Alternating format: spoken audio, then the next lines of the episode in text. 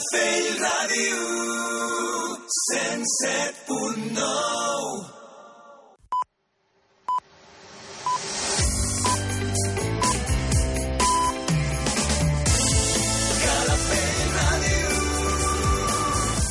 Són les 8.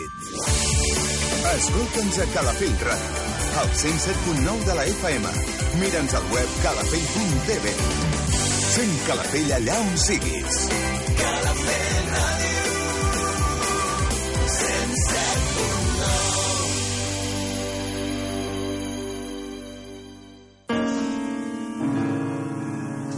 L'Hora del Jazz. Un programa que t'apropa als millors compositors i les obres del gènere més rellevants. Ramon Robuster dirigeix i presenta L'Hora del Jazz, els dimecres de 8 de la tarda a 10 de la nit, amb repetició els diumenges a partir de les 11 de la nit.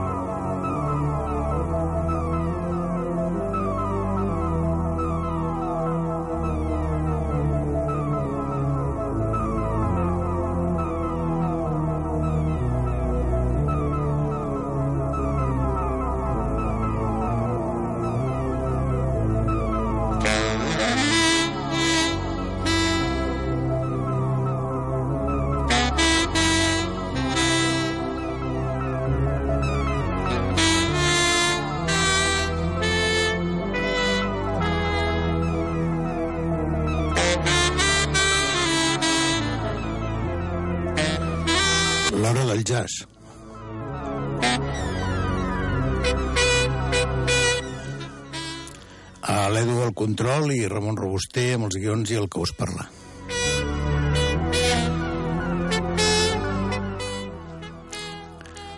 Uh, primer programa, eh, altra vegada amb novetats, després d'aquest uh, part que ens, que ens va provocar la pandèmia, i que per situacions diverses hem anat allargant durant quasi dos anys i mig, o alguna així, més o menys. Eh, programant repeticions del programa i avui eh, tornem amb les gravacions normals i amb, la, amb una quantitat al·lucinant de, de discos que, i gravacions que han sortit amb aquests dos anys i, i escaig que, que fa que estem i que encara estem aguantant aquesta pandèmia que ens va, que ens va destrossar una mica. Eh, per començar aquest programa volíem fer una cosa tranquil·la, relaxada, eh, així ens hem acostumant altra vegada amb, aquest, amb aquestes gravacions que, que anem fent els dimecres. I eh, m'ha bueno, vingut molt de gust poder portar en, pri, en primer lloc un, un quartet de músics que precisament eh, aquesta setmana passada, el dia 20 d'octubre, vaig poder gaudir en directe dintre del Festival de Jazz de Barcelona amb un concert que van fer al, al Conservatori del Liceu i que va ser realment magnífic. Estic parlant de Sai Maestro, eh, acompanyat del seu trio bàsic i en aquesta ocasió també acompanyat d'un trompeta. El trio bàsic de, de Sai Maestro és el, el, ell amb el seu piano, el Philip Dizarc amb la trompeta, que és una novetat que va establir dintre d'aquesta gira que precisament tancava amb aquest concert de Barcelona, que va dir que la va allargar, ho va explicar ell directament. Al començament del concert, el, programador de, del Festival de Jazz va explicar que havia allargat aquesta gira que havia fet per molts puestos del món per poder estar a Barcelona. I era l'últim concert que feien d'aquesta gira. Eh, amb ells també hi ha el contrabaixista Jorge Rieder i el bateria eh, Ofri Neyem, Neymeia. Costa una mica de, de pronunciar això. Sai Maestro és un músic israelí, eh, el, la trompeta del Philip Diza, que és un nord-americà, El contrabaix és peruà i el bateria, un bateria extraordinari que porta ja des de fa molt de temps amb el seu trio i aquesta, en aquesta ocasió amb el seu quartet és també israelià. Eh, la, el programa que vam poder veure eh, dintre d'aquest concert del, dia, del passat dia 20 mm, va ser dintre de lo que es pot eh, entendre mm, la seu, les seves actuacions d'aquesta gira, però va ser una mica especial. Ara us, explicaré per què. Eh, hi ha un, un, un CD que es va gravar i també un LP que es va gravar el, el 2021 eh, per l'ECM i que representa que és el segon àlbum eh, del trio de, per l'ECM de Sai Maestro i que s'anomena Human. Aquest àlbum és ja amb la participació de Philip eh, el trompetista nord-americà, i que realment és un encert total haver agafat amb aquest gran músic com a acompanyant de, del trio de Sai Maestro. Eh, I avui és el que escoltarem. Aquest disco eh, el teníem digitalment, però vam tindre ocasió també de, que ens, de poder-lo comprar i de que ens el signés. No? Eh, hi ha dues versions. La versió LP, com sempre estem acostumats ja últimament, i de manera molt agradable, i, i també la versió CD. Eh, la, els, les peces que escoltarem estan tretes de la versió CD perquè la facilitat que ens dona la, avui en dia els temes digitals i més per portar-ho aquí a l'emissora. Realment, com tot ECM, sona de, de forma extraordinària. Eh, el que es comentava abans és aquest tema de que el, el, el, aquest concert va ser una mica especial perquè hi va haver una sorpresa que al cap d'algunes, més o menys per la meitat del concert, va presentar a una cantant que, és, que està aquí a Barcelona, eh, que, és, eh, que va conèixer, segons va explicar ell, eh, a New York amb una pista de, de hockey. Estaven jugant allà i, i ella també jugava.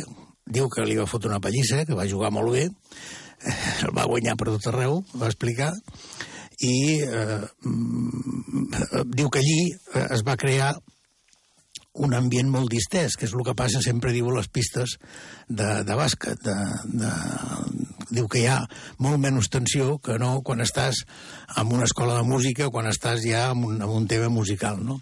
Eh, cap dels dos sabia que eren músics i al final, quan es van conèixer, doncs van descobrir que tots dos que tots dos eren, eh, eren, eren músics. La, aquesta cantant, que és fantàstica, és la senyora Lau Noan, Noa, que podeu seguir, si la volguéssiu conèixer, eh, pel seu Instagram, jo l'he trobat a l'Instagram, que està com a Lau Noa, acabat amb H, o sigui, L-A-U-N-O-A-H 57. Allí podeu gaudir d'algunes peces que canta en directe amb aquest Instagram i la podreu conèixer. Realment va ser una sorpresa mm, gran. Els dos músics van actuar tant amb el quartet com amb una peça eh, només amb el piano d'ell de, del Sai Maestro i la Lau i van tocar, va tocar la Lau va cantar tres cançons. Eh, això va, va fer com una espècie de, de, de relax amb aquesta actuació, que ja és per si molt relaxant, la música de, de Sai Maestro i el seu grup, però aquí encara va, encara va tindre un to més, eh, més agradable, simpàtic, i amb una veu extraordinària, la Lau Noa.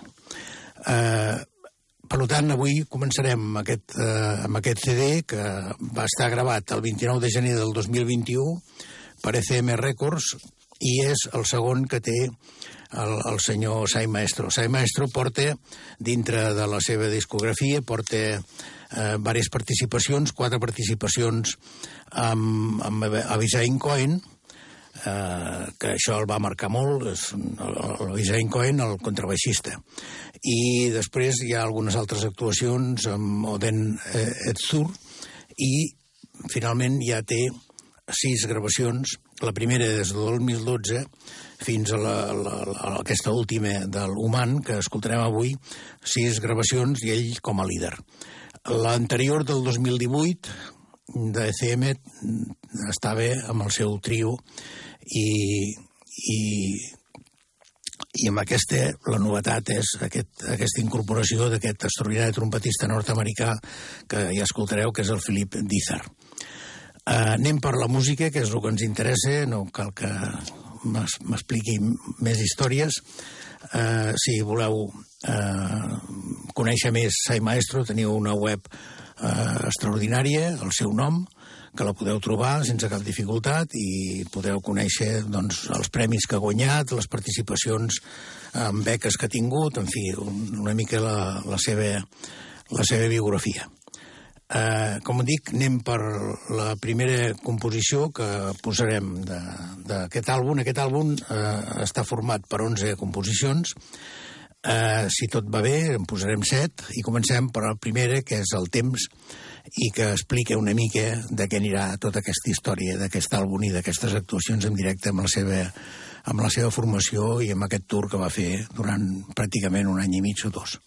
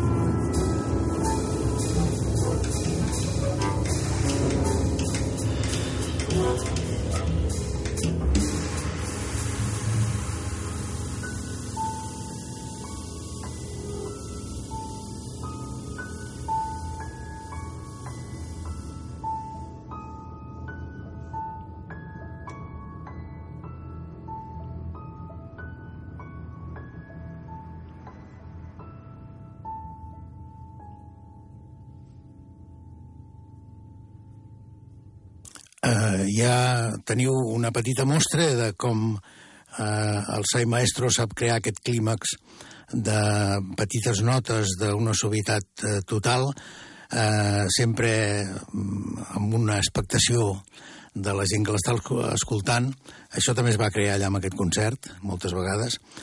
I ara, per, per, per afirmar-ho més encara, posarem la segona que forma aquest àlbum, que és eh, Misteri i Il·lusió, i ja veureu que el quartet, el, aquesta vegada en conjunt, eh, va creant eh, i va buscant fins un clímax d'aquests creixents, no? d'aquests que, que amb molta potència.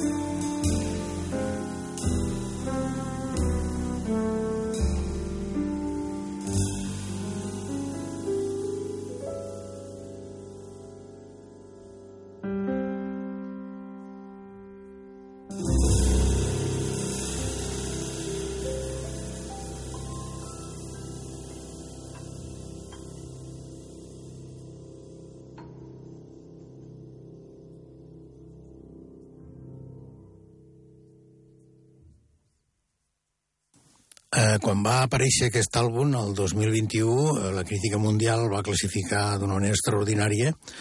Eh, pràcticament les grans, els grans eh, diaris i, i revistes relacionades amb la crítica del jazz eh, no va baixar cap de quatre estrelles, la majoria quatre estrelles i mitja en relació a 5. Per tant, estem davant d'una obra importantíssima per Sai Maestro i el seu, i el seu quartet, en aquesta ocasió, i que mm, realment, quan estàs eh, escoltant l'àlbum a casa, doncs bé, eh, és un àlbum magnífic. Però al directe mm, t'adones compte de que aquests músics eh, diuen moltes més coses en directe que no amb l'àlbum sobretot el, el, el, bueno, to, en general tots però ja el, el, hi va haver alguns moments del bateria eh, aquest el Ofri Neyemia eh, aquest israelià un personatge que toca amb una sutilesa increïble i que al, al moment que necessita fer uh, uns solos que segueix una mica la línia d'aquests músics actuals que pràcticament el solo s'està produint sempre. No, no cal parar, que els, no cal que els altres músics parin perquè ell faci el solo, sinó que és un solo continuat. Eh, mentre fa l'acompanyament també està fent solos. I això és realment... Hi havia moments que semblava que portava ell la direcció d'aquest grup.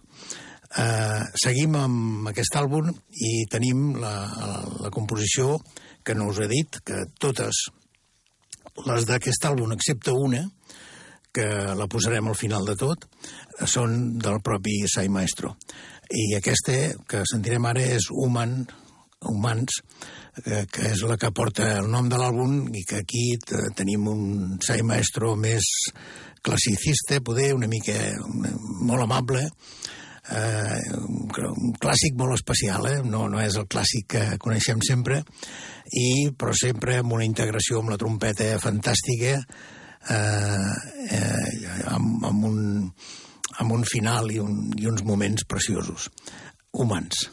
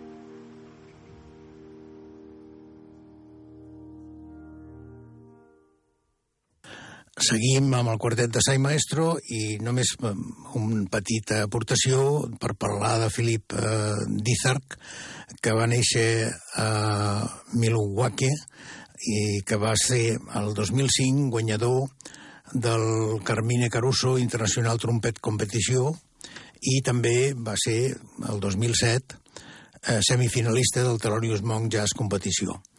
Eh, com veieu, estem davant d'un home que hi ha moments que té un, unes petites semblances eh, amb altres músics, que més m'estimo no nombrar, però que estan dintre d'aquesta modernitat de la trompeta i, i que encaixen d'una manera extraordinària amb el grup i també amb la, amb la, amb la idea que normalment tenim de CM, no? de, la, de la gravadora de Manfred Heiser, que, que hi ha aquest, sempre aquestes, aquests moments d'improvisació fantàstics, però sempre sota una base d'un lirisme i un, i un magnetisme que, que, que fa que el conjunt soni d'una manera diferent d'altres d'altres grups, no? i aquests grups estan en BCM. Eh, seguim eh, amb una composició que s'anomena El somni del lladre. Eh, aquí el, el Sai Maestro mm, mostra que és capaç de fer unes improvisacions d'aquestes rapidíssimes i, bueno, és una peça fantàstica també, com totes les de l'àlbum. Jo no sabria pràcticament quina quedam ni quines destacar. Jo crec que l'àlbum és, un, és un àlbum per escoltar tot sencer, tot i que pel temps aquí no ho podem fer, ens escoltarem set de les, de les 11 composicions que hi ha i que ja serà una mostra interessant. El somni del lladre.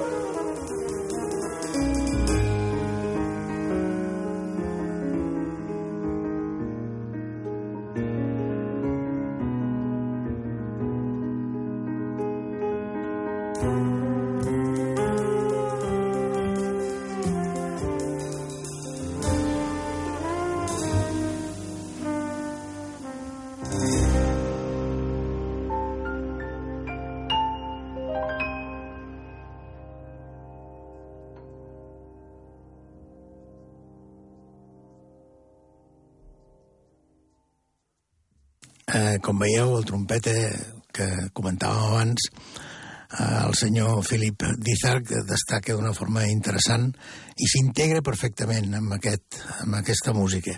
Aquests músics que comentava amb la peça anterior que podien tindre una certa semblança o podien tindre alguna que veure amb com toca el senyor Dizak, eh, bueno, podrien ser, per exemple, amb el Davis perfectament, o poder també a l'extraordinari Kenny Weller.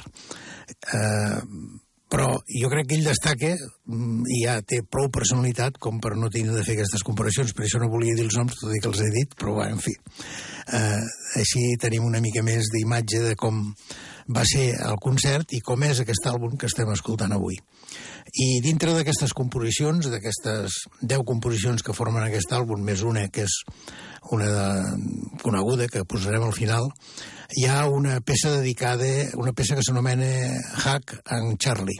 Això és un homenatge a Hack Jones i a Charlie Haden, que com sabeu tots dos ja ens van deixar, i que, que té un, aquest toc de, de clàssic, de clàssic permanent, però amb, amb, les, amb aquesta frescor i amb aquesta novetat d'aquest quartet, amb aquesta manera diferent de tocar, tot i que se li nota aquesta admiració per aquests dos personatges. Aquí hi ha, bueno, com és lògic, hi ha una mostra molt maca del Jorge Reder, el contrabaixista, eh, bueno, no podia ser menys, no? que amb un, un homenatge a Charlie Haden, el contrabaixista, que ja veieu que també és un músic extraordinari, doncs fes també una mica de les seves. Hack amb Charlie, escoltem-ho.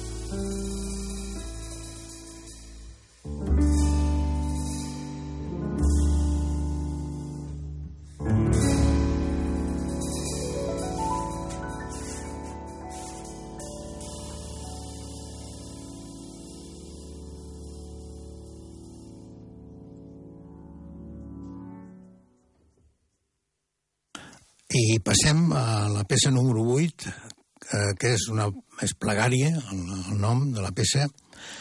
Eh, només vull fer un petit comentari. Aquí ja escoltareu un treball fantàstic de, amb el tambor de la bateria, el senyor Ney Mia, i que mm, mentre ell va repetint aquesta, aquest tambor, mentre va repetint aquest tambor, es crea una cosa fantàstica que és un contrast molt ferm, contrast potent, amb la música tranquil·la que va suggerint eh, el senyor eh, Sai Maestro. I el seu grup també, perquè els altres també participen de tot això, però aquests dos creen aquesta cosa additiva. Eh, hi ha alguns músics que diuen que quan tu vas tocant una nota repetidament, quan passes de les 10 vegades que l'has tocat ja, ja, ja estàs ja, ja, ets un, ja és una, una cosa addictiva, o sigui que t'enganxa, no? Aquí passa això.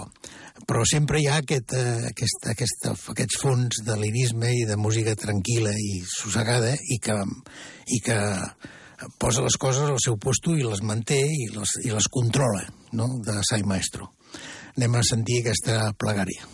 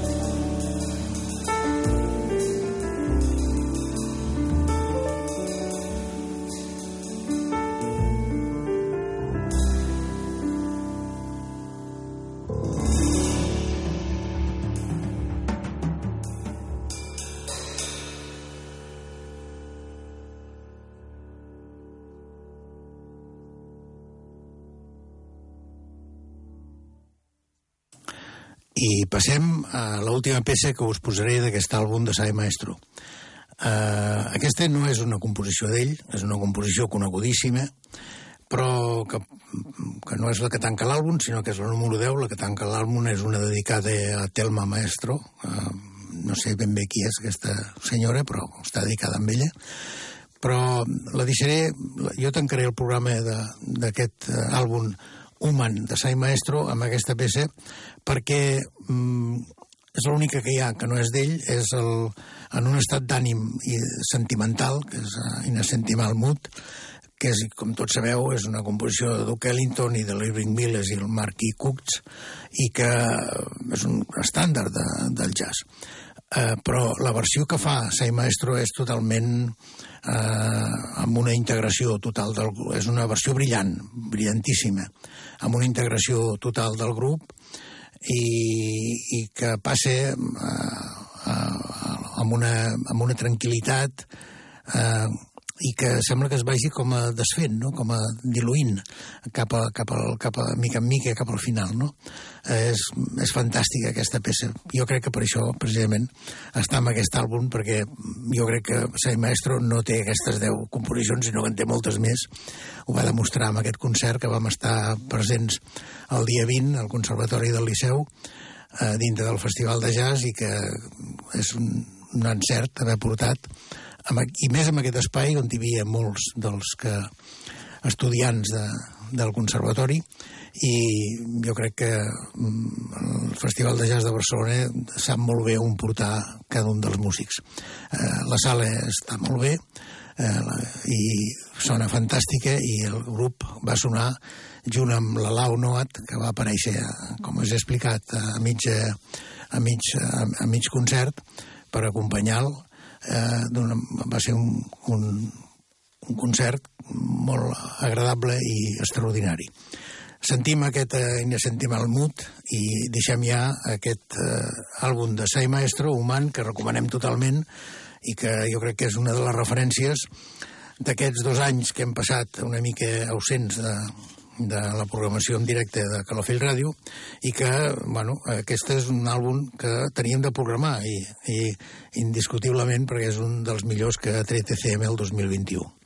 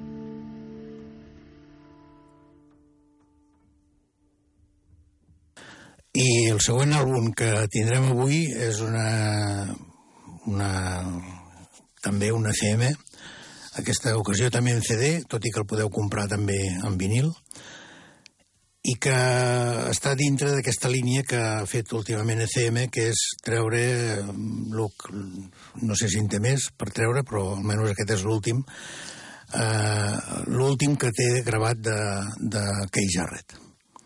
Aquest àlbum eh, eh, va sortir el 30 de setembre d'aquest any eh, per ECM i eh, està relacionat amb, la, amb el concert de la gira que va fer el 2016. Eh, aquest és el cinquè concert de la gira, d'aquesta gira que va fer el 2016, una part a Nova York, el primer, el primer concert va ser el 9 de febrer a Nova York, després va vindre també a Los Angeles, a Califòrnia, a San Francisco, a la sala Bela Bartok de Budapest, en el que es va també fer la gravació de Budapest, que és un dels àlbums que tenim també pendents de tot aquest temps de la pandèmia per posar, que va treure també l'ECM, la gravació de Budapest, eh, aquesta gravació de Budapest eh, segons, EC, segons el mateix que Jarrett diu que és la millor, el millor concert que va fer després ho comentarem una mica això.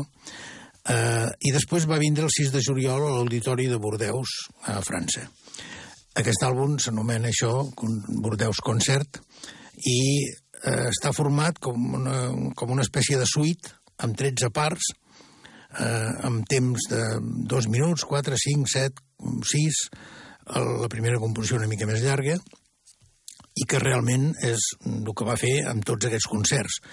Eh, tota la música improvisada, mm, no hi ha res més a dir, improvisació total, i, com sempre, Jarrett, jo mm, sóc un gran admirador de Jarrett, i és molt complicat de poder entrar dintre de, de, de poder donar unes explicacions de com són aquestes composicions. Jarrett és Jarrett, és únic, eh, és, és irreproduïble, no hi ha ningú que, que hagi fet el que ha fet que Jarrett, i amb aquests concerts encara més. I aquest, aquest precisament, eh, pels que no, no, no sou totalment seguidors, com, com molta gent que hi ha al món, milions de persones que hi ha al món que segueixen Keith Jarrett i que pràcticament coneixen molt, doncs si no sou conedor, no coneixeu tant aquell Jarrett, jo aquest àlbum el recomanaria totalment, com un dels importants dintre d'aquesta improvisació, perquè és un, un àlbum molt agradable, molt, poder no hi ha tanta de sentiment ni tant ànime com en alguns altres d'aquests,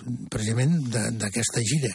Perquè també hi ha una altra gravació que va ser la de Múnich, que, que, va, que va ser l'últim concert, el 16 de juliol, aquest va ser el 6 de juliol, i aquest de Múnich el 16, que és mm, també important i que també la tenim de posar. Uh, la de Budapest és poder la més especial per ell, perquè mm, allí va néixer...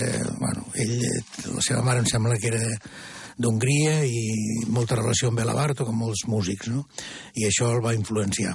Però aquest que posarem avui, que és el, el de Budapest, doncs mm, manté més una suavitat i jo crec que és un àlbum per agradar a tothom i per tothom pugui gaudir. Jo el considero totalment extraordinari, aquest àlbum. Anem per la primera composició, perquè si no mm, tot el que jo parli serà de menys música d'aquell Jarret, i aquesta, veureu, és una composició llarga de 12 minuts i no és una composició, és una improvisació. No, no puc parlar de... Passa estem acostumats a parlar de composicions i això no són... Bueno, és, pot quedar a l'aire del concert i pot quedar amb aquesta gravació com una composició, però no és, no és una improvisació total eh, amb la que hi ha, que hi ha moments d'aquests complicats del jarret amb molta, molt de ritme, amb gran ritme i molta fortalesa i que passen després amb aquell lirisme fantàstic, suau i tranquil eh, amb una creació simple però com totes magistral. Eh, no hi ha nom, són per una, per dues, per tres, doncs aquesta és la 1.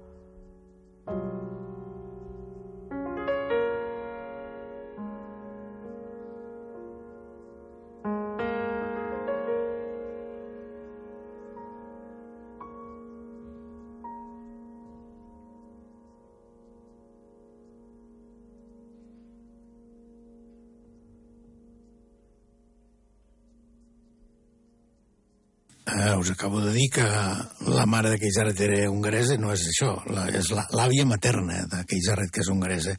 Ara he vist aquí els, els quatre escrits que porto relacionats amb tot això. Eh, de, per això aquest, eh, aquest concert, eh, bueno, per això hi ha altres coses relacionades amb Belabarto, com us he dit, i, alt, i aquestes sensacions que va tindre, ell diu que és el millor, però jo aquest de Bordeus l'aconsello totalment. L'altre també, com és lògic, jo no deixaré mai tot el de Jara t'ho consideré sempre. Però, en fi, eh, anem a escoltar, mm, ja, com us he dit, hi ha 13 parts. Jo, eh, intentarem posar les màximes que puguem fins que se'ns acabi el temps. I per això, ara el que farem serà posar la part 3, hem es- escoltat la 1, saltem la 2, posem la 3 i la 4 seguides. Amb aquesta 4 ja mm, escoltareu que, aquesta, que una idea senzillíssima, mínima, avança d'una forma amb una energia que es va complicant i que al final es va desfent altra vegada. És, és, és increïble, és fantàstic. La part 3 i la 4.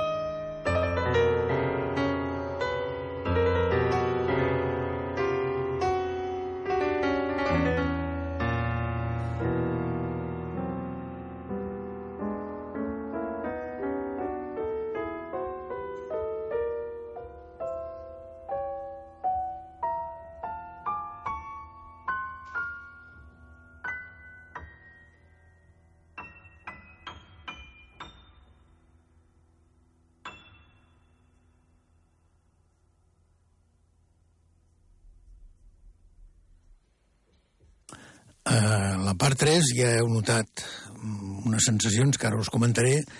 Hi ha la part 3, la part 6, la part 11 i la part 12, que mm, tenen una certa relació.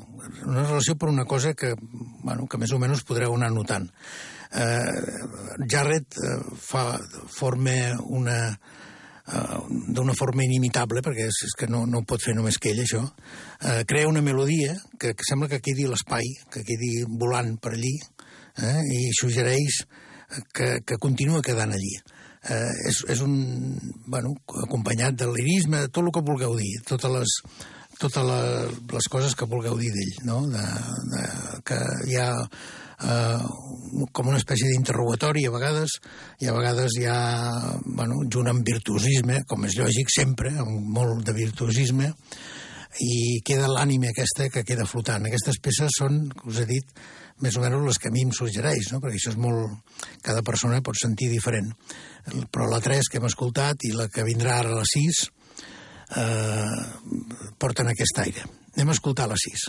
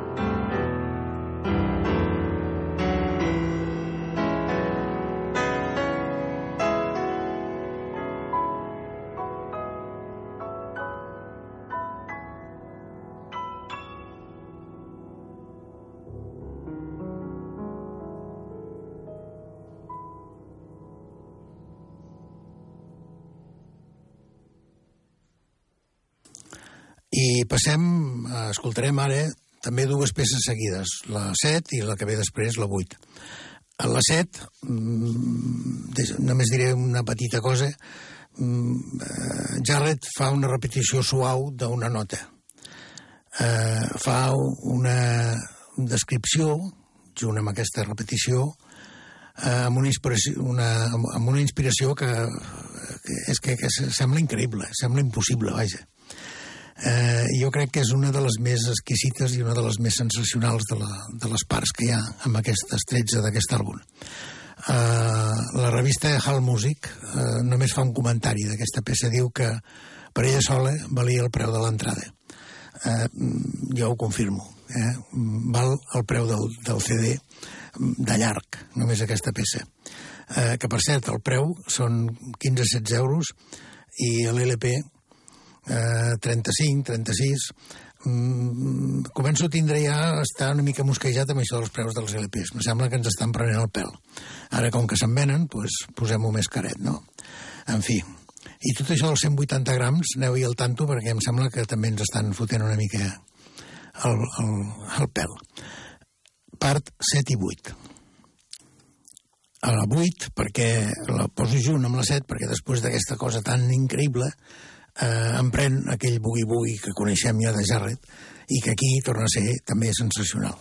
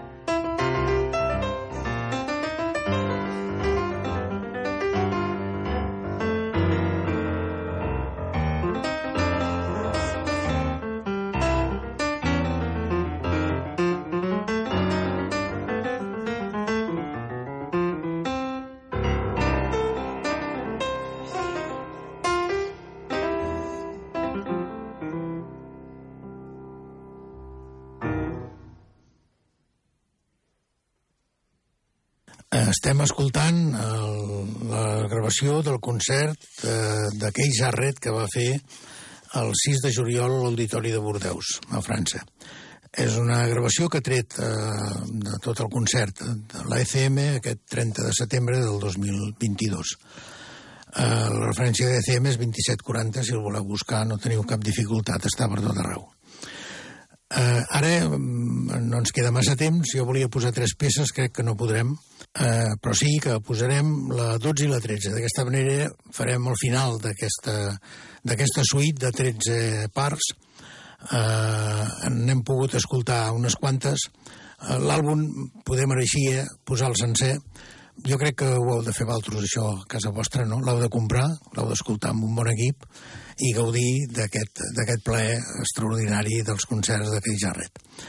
Eh, la 13, la, la 12 està dintre d'aquelles que des del començament ja veus cap on va la cosa amb, amb, amb, amb el lirisme i la descripció de, de l'espai, aquesta cosa que queda flotant no? a l'aire, fantàstica. I la 13 eh, és una peça magnífica per acabar un, un concert.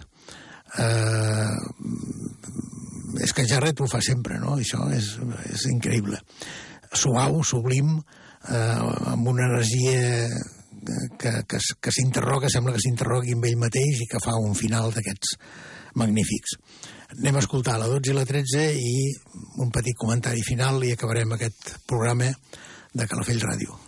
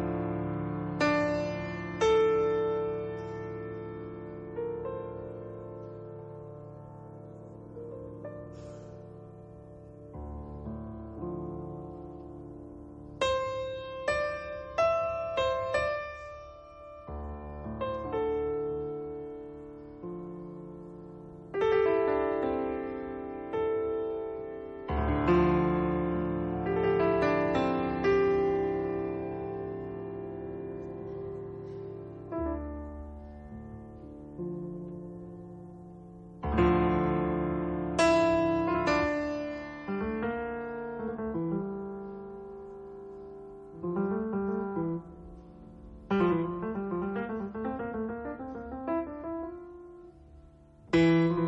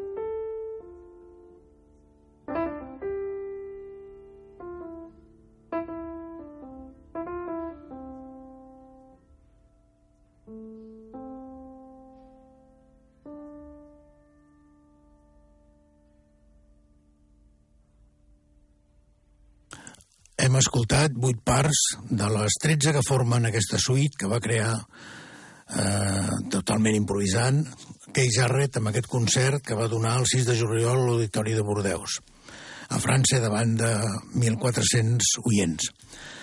Eh, com, com sabeu, el 2018 Jarrett va tindre dos atacs d'ictus molt potents i ell mateix, el 2020, eh, va explicar que mm, estava, ja, estava incapacitat per continuar tocant.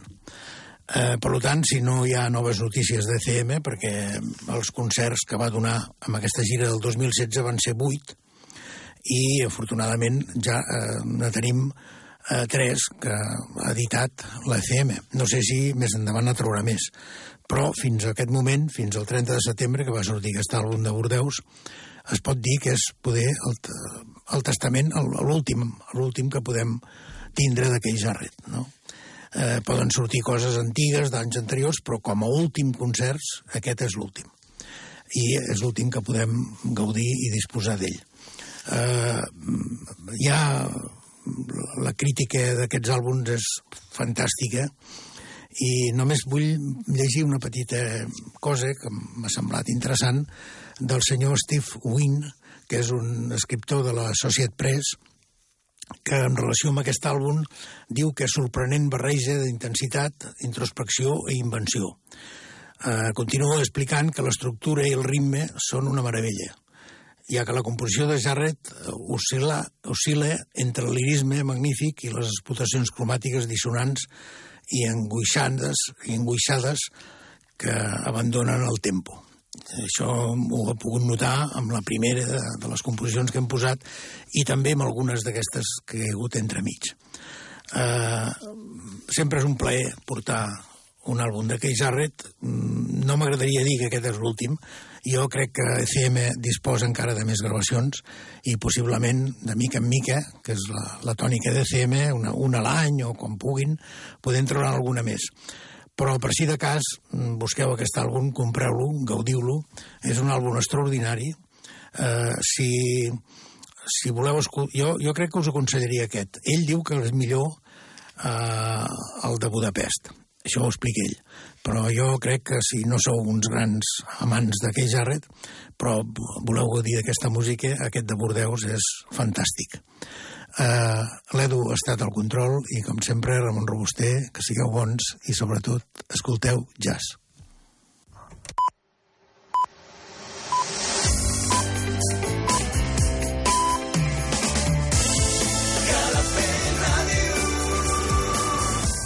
Són les 10.